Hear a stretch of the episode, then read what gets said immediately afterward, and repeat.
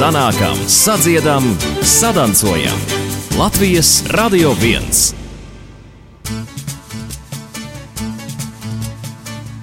Cildinot dziesmu un deju svētku tradīcijas 150. gada dienu, raidījumu ciklā Sanākam, sadziedam, sadancojam, tiekamies ar 27. vispārējo latviešu dziesmu un 17. deju svētku veidotājiem un dalībniekiem visos Latvijas novados. Lai kopā būtu un kopā justu, lai atklātu dažus stāstus no tūkstošiem, kas kopā savijoties veido dziesmu svētku kopējo rakstu un enerģētiku, šoreiz esam Latgalē, un es, Renāte Lazdiņa, tiekos ar Kati Slišāni. Padzīnami mēs mūsīnēs, cikam vīna pulcinieji,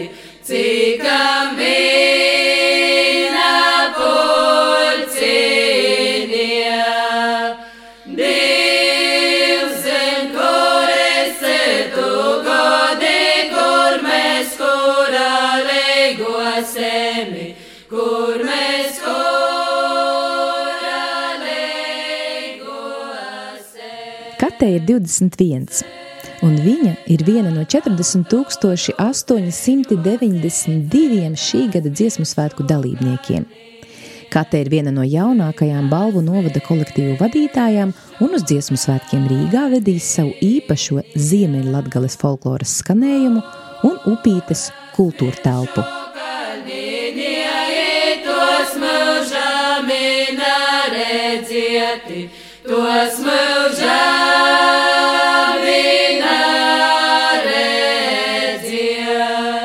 viss kopumā skaitos uh, folkloras kūpa upīte.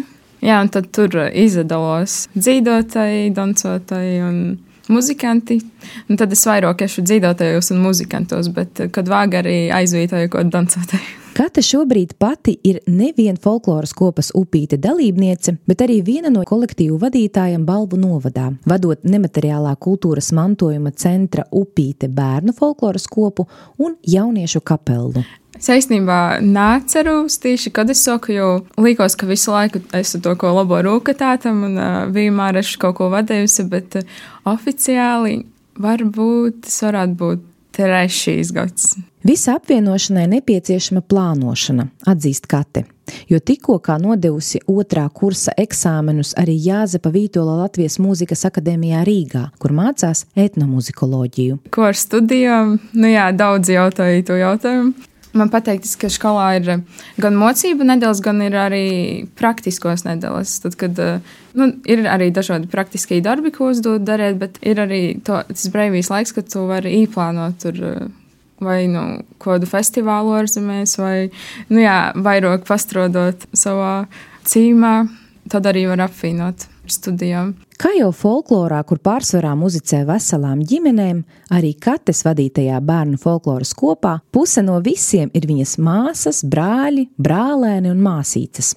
Bet, lai kā, mēģinājumos viņu tomēr sauc par skolotāju. Nu, bērnu kapela noteikti skatos, ko uz vadītāju daudzi sauc par skolotāju. un Tas ir interesanti, īstenībā, ka nu, orpus mēģinājumiem es esmu tur arī mosīca, mosa un draudzene un to, bet mēģinājumi ir skolotāji, skolotāji un to interesanti, jā, ka arī uztver to diezgan nopietni jau. Es nezinu, arī pati eksperimentēju ar, ar dažādiem veidiem, ko pīt, pie to mocību stila. Bet ir arī reizes, kad uh, es viņiem pašiem ļauju vadīt stundu, nu, to, ko pašiem izapaustīs, domāt, uh, radīt kaut kādu skaņdarbu.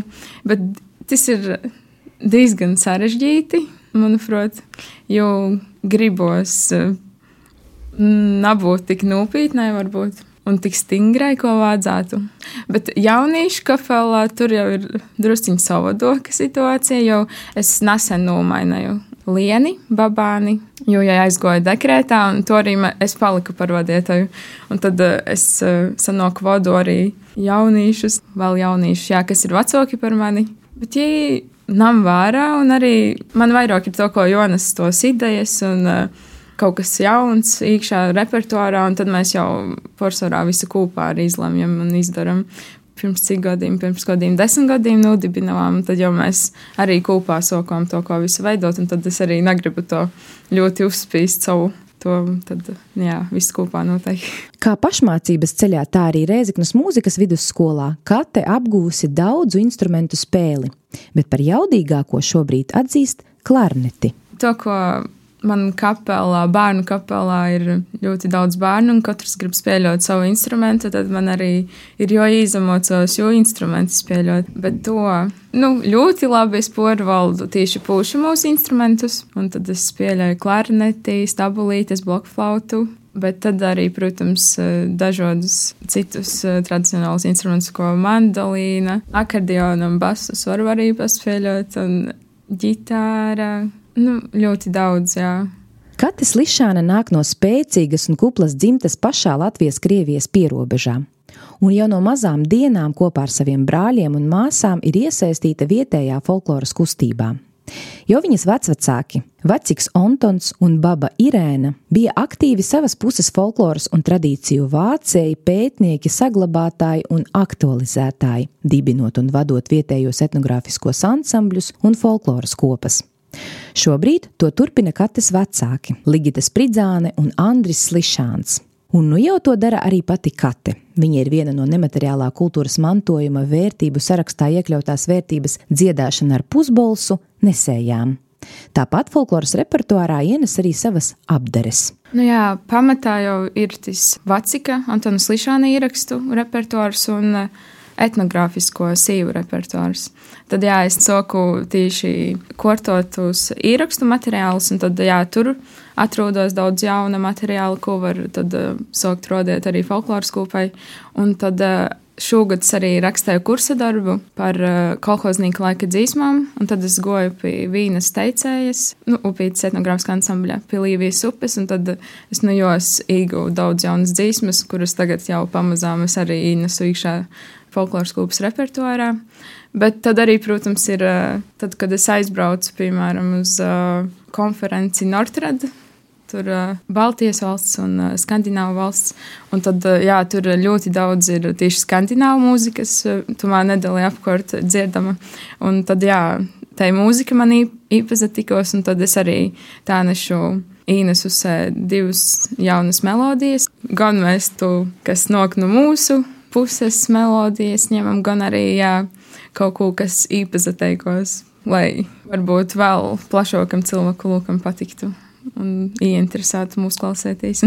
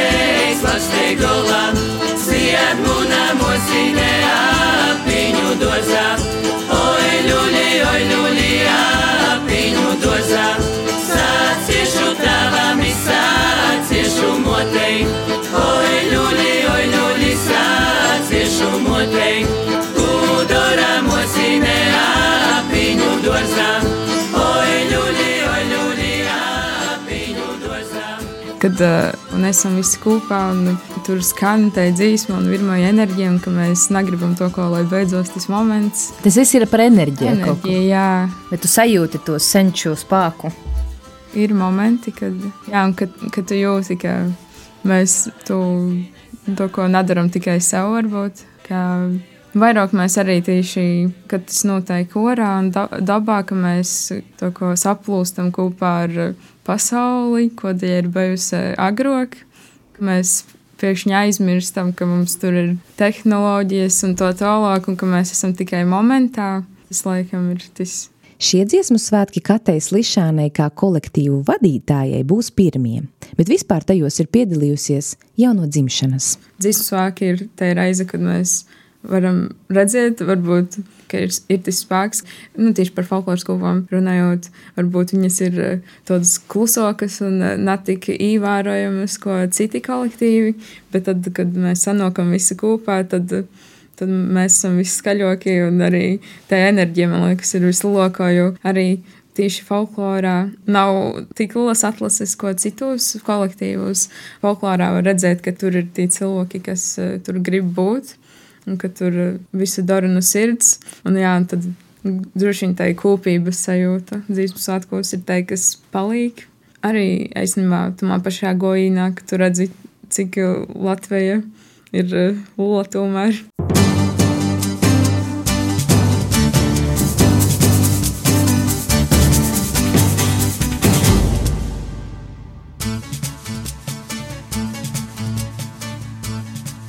1790 visdažādāko kolektīvu šogad piedalās dziesmu un deju svētkos.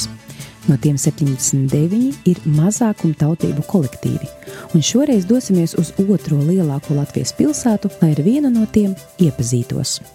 Uz Daugopili devusies mana kolēģe Laura Ieviņa, un kopā ar viņu iepazīsim Lietuviešu kultūras biedrību Rasa, kas darbojas jau vairāk kā 30 gadus, un folkloras ansambli ar tādu pašu nosaukumu, kas mazākuma tautību kolektīvu skatē ieguva augstāko pakāpi. Это литовский дом. Это литовский дом, который... Nu, Klemenses Rimantas Klepšis izrāda lietuviešu namu. Viņš ir arī lietuviešu biedrības lietuviešu nama priekšsēdētājs. Это общество, да. Литовское общество. Таких активных, ну, до 30 где-то.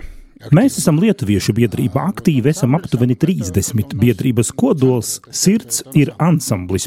Tajā darbojas aptuveni 15-16 cilvēki. Šodien varbūt visu nebūs. Klemenses Rimantas Klepšis ved pa šauru koridoru uz folkloras ansambļa rasa mēģinājumu telpu. Lielākā daļa no Daugopils lietuviešu kopienas uz dzīvi Latvijā pārcēlās padomju gados. Kāds darba vai mācību dēļ, cits ieprecējās. Tikai daži ir dzimuši Latvijā. Esmu no Klaipėdas apgabala, Mazāja Lietuva. no Žemaitijas. Aldona Bitiņa ir viena no senākajām ansambļa dalībniecēm. Kā nokļuvu šeit, mācījos Daugavpils uni universitātē. Nu, tad bija pedagoģiskais institūts un strādāju 32 gadus bibliotēkā. Biedrībā viņa sākusi darboties 1991. gadā. Drīz pēc tam pievienojusies arī ansamblim Rasa. Tad bija liels ansamblis, bija mūsu ļoti daudz. Tagad jau nav tik.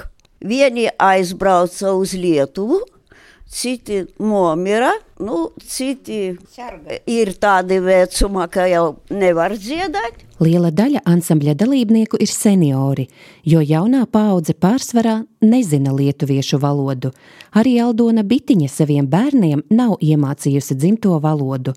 Viņa uzskatījusi, bērniem jāiemāca latviešu valoda, jo ģimenē viņi sarunājušies krieviski.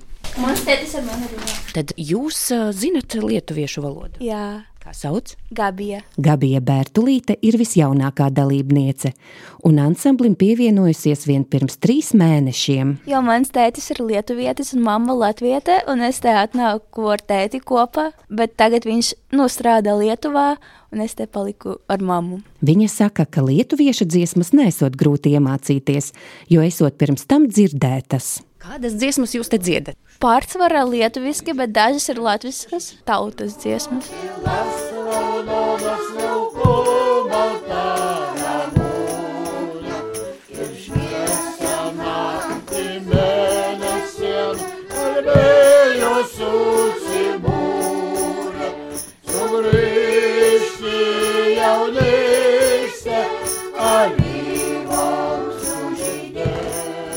Man patīk kolektīvs, te visi draudzīgi un runā ko viens ar citu. Blakus sēdošā sieviete mudina Gabiju pastāstīt, ka viņa te mācās arī lietuviešu valodu. Es mācos arī te skolā, ir biedrība skola, lietuviešu valodu. Un šī ir mana skolotāja. Gabija iepazīstina ar Mariju Safonovu. Mums yra lituanistinė mokykla, kur yra du mokytojai. Mums ir lietuviešu skola un divi skolotāji, un mums bija 22 skolēni, bet tagad palika mazāk, jo daži aizbrauca, citi aizgāja. Dar lanko. Savukārt Brigita Puzāne kolektīvā darbojas jau 12 gadus. Arī viņa atzīst, Ansamblī trūkst jaunu dalībnieku. Nav, nav cilvēku. Un Gabija atnāca, tas ir ļoti labi, tas ir ļoti jauki. Arī Brigita Puzāne saviem bērniem lietuviski nav mācījusi, bet meitu iemācījis nots, kurš nāk no Lietuvas. Viņa tagad arī ļoti labi saprot lietuviski runāt. Nu, bet par to tagad ar mazmeitiņām mājās runāju lietuviski. Cenšos pareizāk sakot. Bet pārējie, jā, bija agrāk, kad nebija tik stingri, visi vairāk krieviski runāja cilvēki. Jā. Lietuviski, es nezinu pat, kam runā bērni lietuviešu valodā. Ā, viņas meitas runā lietuviski. Ā, va, nu, tavo lietuviškai, Lietuvoje gyvena, todėl ir kalba lietuviškai. Jā, arī man tam bērni runā lietuviski. Mano anūkė kalba. Aha, Marijas mazmeita runā lietuviski. Dziesmu un deju svētku mazākumtautību kolektīvu skatē folkloras ansamblis Rasa bijis viens no labākajiem. Trīs dziesmiņas, kuras skatē laikam dziedājam, tās arī dziesmu svētkos dziedāsim. Divas lietuviešu valodā un viena latviešu valodā. Pareizāk sakot, latgaļu valodā. Nu, latgaļu valodā būs eh, Zīdē Pučētīs. Kokios dainos mēs dainājām? Jau pamiršu. À, pirmā dziesmiņa mums bija kapela, sarkana saulīte. Saulāla raudona. А а trešā bija? À, un tāda patriotiska dziesma, var teikt, eh, mana Lietuva, tu Lietuva, tu mana. Lietuviešu biedrības vadītājs Klemens Rimantas Klepšis norāda, viņu ansamblis Latvijā ir gana unikāls. В Латвии другого ансамбля, который поет на лит- литовский. Latvijā nav otra tāda ansambļa, kas dziedātu lietuviešu dziesmas. Nav.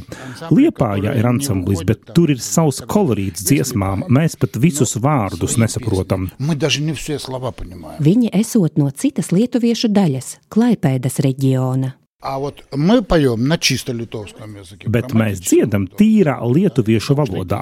Mūsu reģions ir augštaities. Мы относимся к Аукштайтии. А вот такого ансамбля, который вот поет народные песни с Bet tāda ansambļa, kas dzied tradicionālās dziesmas ar bungām un akordeonu, nav. Вот сейчас услышите. Поехали.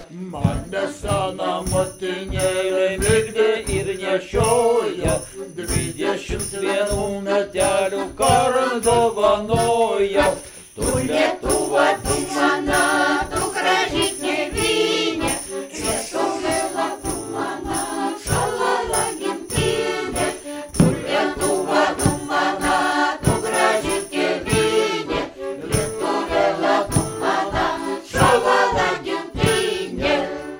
Lietuviešu kultūras biedrības folkloras ansamblis Rasa ir piedalījies arī dziesmu svētkos Lietuvā, ko raksturo kā tikpat vērienīgus kā Latvijā. Jā, pagājušajā reizē mēs netikām uz Lietuvas dziesmu svētkiem, jo bija vienā dienā mums gan Latvijā, gan Lietuvā.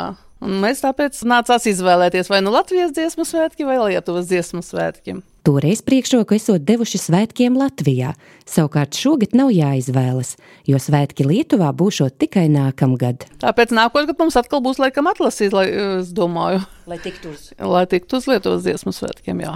Kā stāsta ansambļa dalībnieki, lai arī tagad retāk, tomēr sanāk uzstāties arī ārpus Daugopils, tostarp Lietuvā. Viens no pēdējiem bijis maijā muzikantu festivālā Zarasai. И говорят, что вот приехали из Латвии литовцы, то есть латыши приехали, не, не просто литовцы из Латвии, а латыши приехали. Un saka, atbraukuši ir latvieši. Nevis vienkārši lietuvieši no Latvijas, bet latvieši atbraukuši. Это иностранные литовцы, да? Lietuvā katram reģionam esot atšķirīgi tautas tērpi. Nu, kā Latvija, kurzeme, zemgale un vidzeme arī at, atskirās. Tā Lietuva, Dzukija, Žemaitija, Augstaitija. Ansamblim Rasa visi esot augštaities tērpi, jo lielākā daļa dalībnieku nāk tieši no šī reģiona. Tērpi ir dažādi. Redziet, vi- vienkārši tā bezroce tāda, biksītes tādas. Tērpus izrāda Jānis Pudāns. Obligāti zabaku, īsiem tādiem zabaciņiem jābūt lietuviešu tautas terpā. Sie- Sieviete, bet tā ir šī sieviete, paskatieties, jā, mazliet. Parādiet. Tas apmēram li, li, līdzīgs kā la, latviešiem laikam. Redziet, tā, tā, tā kā žaketīte tāda, tas, a, tas saucās Sionas, Sionas tā ir lindraks tās, un kurpītes melnas un cauri. Ansambļa Rasa uzstāšanos varēsim redzēt un tērpus klātienē apskatīt divos dziesmu svētku pasākumos. Mazākumtautību kolektīvu koncertā Mihaila Čehova Rīgas Krievu teātrī un Tautas dienā Vērmanes dārzā.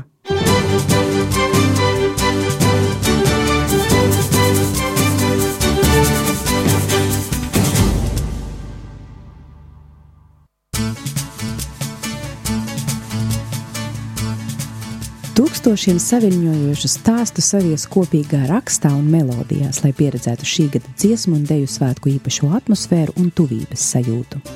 Un pēdējais stāsts šajā reizē mūs ir aizvedis uz Līvāniem, kur kāda unikāla vēstures liecība nevien norāda, kā arī tālu ārpus Latvijas un izdzīvojot grūtus laikus, cilvēks kā vienu no svarīgākajām vērtībām saglabā latvietību, piedarību savai valstī, dzimtenei un vēlreiz atgādina: dziesma vieno kā labos brīžos, tā valstiski grūtos pagrieziena punktos. Nu, redzi, kāds tas karoks. Karoks ir diezgan vienkāršs. Līvānu stikla un amatniecības centrā nelielai aplūkošanai tiek izcelts viens no dārgumiem - rokām šūts Latvijas karoks kurš plīvoja Latvijas dziesmu svētkos Daugopils stropu estrādē 1940. gada 16. jūnijā. Dienu pirms Latvijā ienāca padomju armija un sākās Latvijas okupācija. Ļoti labi saglabājies, zinot to, ka viņš ir 40. gadā Te redzi, viņš ir šūts no koplūnas, te kaut kas no lina pielikts klāt, nu, kas jau bija mājās noteikti. Bet nu, viņš, jā, viņš ir piedalījies tajos dziesmu svētkos Daugopilī, nu, pēdējos, kā teikt. Neskatoties uz pieklājīgo vecumu un divas reizes pāri okeānam mēroto ceļu, 83 gadus ilgo mūžu pieredzējušais sarkanbalts sarkanais karoks ir tiešām labi saglabājies norāda centra vadītāja Ilze Griezāne. Krāsas ir spilgtas un nebūtu nav izbalējušas. Un te pilnīgi uzrakstīts dabars. dabars. Jā, tāpēc, ka tas ir viņu, viņa uzvārds. Dabars Ignats. Karogu dziesmu svētkiem par godu šūsi viņa sieva Antoņina. Dzimis Ignats kuplā 12 bērnu ģimenē kā vecākais. Vēl 1939. gada rudenī Ignats Dabars bija plašākā apvidū priekšzīmīgākās saimniecības īpašnieks. Vairāk kā 10 hektāru platībā Līvānu krustpils lielceļa malā Līvānu pagastā Jaundabaru jaunsaimniecībā viņam bija 80 tūkstoši augļu kociņu un ogulāju, arī zirgi un govis. Un kā tolaik raksta vietējā prese, Daugavas vēstnesis, Ignats dzīvi piedalījies arī sabiedriskajā un kultūras dzīvē dziedājis arī Līvānu jauktajā korī, un 1940. gadā piedalījies arī liktenīgajos Latgales dziesmu svētkos Stropo estrādē.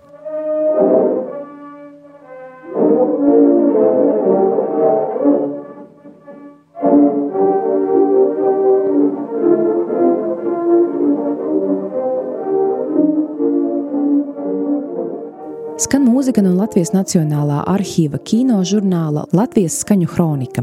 Melnbaltajā video redzams 1940. gada dziesmu svētku gājiens. Todien, 16. jūnijā, 10 tūkstoši koristi, gandrīz pustūkstotis pūtēju orķestru mūziķu, vairāk kā 50 tūkstoši skatītāju no visām Latvijas pusēm, Daugopils stropu kalna piegāzē trīs reizes pēc kārtas asarām acīs dziedājuši Latvijas valsts himnu un tautas lūgšanu Dievs svētī Latviju, ko pēcāk pusgadsimta okupācijas laikā publiski izpildīt vairs nevarēja. Tas izvērsās par īpaši emocionālu tautas vienotības mirkli. Daudzas dzimtas latgalē glabā savos atmiņu stāstos un fotografijās šos skaistos un arī reizē skumjos svētkus. Taču līvāniešu dabaru saime visus daudzos desmitus gadu arī okeāna otrā pusē no šiem svētkiem glabāja kā piemiņu sarkanbaltu sarkano pašu rokām šūto Latvijas karogu. Es gribu teikt, ka šis stāsts ir par latvietību ne tikai vārdos, bet arī darbos. Jo šim karogam ir tāda īpaša vēsture. Īpašo stāstu, ko 2017. gada 18. novembrī no Amerikas banderolē saņēma līvānieši, atklāja Līvānu stikla un amatniecības centra tā laika krājuma glabātāja Silva Podniece. Pa pastu no tālās Indianapolis līvānieši tolaik saņēma vēstuli un rokām šūto Latvijas karogu, un sūtītāja Jāņa Dabara rūpīgi drukātiem burtiem uz paciņas rakstīto. Šis Latvijas karogs plīvoja Latgales dziesmu svētkos 1940 gadā. Gar abām pusēm stropu estrādē bija masti, un tajos mastos plīvoja karogi. Tā svinīgi, tas tā ļoti skaisti bija. Bija tā kā daudz, bija. tad jau laikam. Viņa bija daudz, jā. Dziesmu svētku rīkotāji bija lūguši koristiem līdzi ņemt pašdarinātus karogus, nu, kuram varbūt tās iegādāts, kur, bet nu, pašdarinātus. Līvāns pārstāvēja arī vairāki kori, un Līvāna jauktajā korī bija dalībnieks Ignats Dabars. Viņa sieva, lūk, no tādiem ļoti precīzām krāsas salikumiem, šo karogu darinājusi ir. Un, diemžēl, šo dziesmu svētku laikā nāca tāda bēdīga ziņa, kad krievi ir iebrukuši Latvijā. Un tad nu, Švirksta kungs, kurš bija atbildīgs tieši par šo visu dziesmu svētku organizēšanu, lūdza karogus nolaist. Šī karoga stāstu Ignata Dabara dēls Jānis rūpīgi aprakstīs vēstulē, ko pievienoja paciņā, sūtot vērtīgu ģimenes relikviju uz Latviju. Vēstulē viņš raksta, kad svētkos tika paziņots, ka krievi iebrukuši Latvijā un svētku dalībnieki nodziedāja Latvijas himnu trīs reizes, svētku rīcības komitejas vadītājs Andrejs Švirksts lūdza nolaist Latvijas karogus. Tos neatstāt krieviem raksta Jānis pēdējos vārdus īpaši izceļot un pievienojot vairākas izsaukuma zīmes. Mans tēvs, Ignats Dabars, nolaida mammas darināto Latvijas karogu un aizveda to uz jaundabariem. Kad mēs atstājām mājas Latviju, bēgot no komunistiem, tēvs paņēma šo karogu līdzi. Kā vēstulē Jānis paskaidro, trimdā karogs glabāts vecā koferī, pēc vecāku nāves Jānis to glabājis tumšā skapī apbrīnojams stāsts ir tas, kad tev ir ģimene, tev ir kaut kas tāds, nu, pats nepieciešamais ir jāņem līdzi ceļā. Tu nezini, kā iekārtosies dzīve, bet lūk, šī ceļa somā vieta bija atrasta šim karogam. Un viņš viņu paņēma līdzi uz Ameriku. Pēc kāda laika, tas jau ir 2007. gads, ASV Indianapolē e, notika vispārējie latviešu dziesmu svētki. Nu, šis karoks atkal tika vilkts laukā, un viņš ieraudzīja dienas gaismu. Tā viņa uzglabāja tumšā vietā, salocītu, lai tātad e, audums netiktu bojāts, jo gaisma jau ļoti bojā šo audumu. Nu, lūk, un pēc šiem dziesmu svētkiem tēvs savam dēlam Jānim Dabaram ir nodevis karogu glabāšanā. Bet nu, Jānis ir nolēmis, ka viņam jābūt Latvijā. Un tā 2017. gada 18. novembrī, zīmīgi 18. novembrī, Jānis Dabars ir uzrakstījis vēstuli un šo karogu ir nogādājis uz Līvāniem. Es, Jānis Dabars, dzīvoju Indianapolis, Amerikā. Dzimis Līvānos Latgalē, Latvijā 1937. gadā. Nododu jums šo Latvijas karogu turpmākai glabāšanai. Dievs svētī Latviju! Šādi pavadvēstuli nobeidz Jānis. Lai arī nevien viņa vecāki, bet arī Jānis pats jau tajā saulē Viņu rūpīgi glabātā piemiņa par Latviju godā tiks celta jau pēc dažām dienām arī Rīgā 27. vispārējo latviešu dziesmu un 17. deju svētku gājienā, kā īpašs vēstījums par Līvānu novadu. Tūkstošiem saviņojošu stāstu, kas kopā ļauj būt, just, kopā savijušies veido mūsu kopīgos dziesmu un deju svētkus. Šoreiz tikai daži no tiem izskanēja, atklājot Latvijas novada cilvēkus, rakstus un melodijas. Stāstus no citiem Latvijas novadiem šī raidījuma cikla ietveros ir iespējams noklausīties Latvijas radio mobilajā lietotnē, raidierakstu platformās un arhīvā. Raidījumu veidoja Renāta Lazdiņa un Laura Ieviņa Latvijas radio studija Latgalē.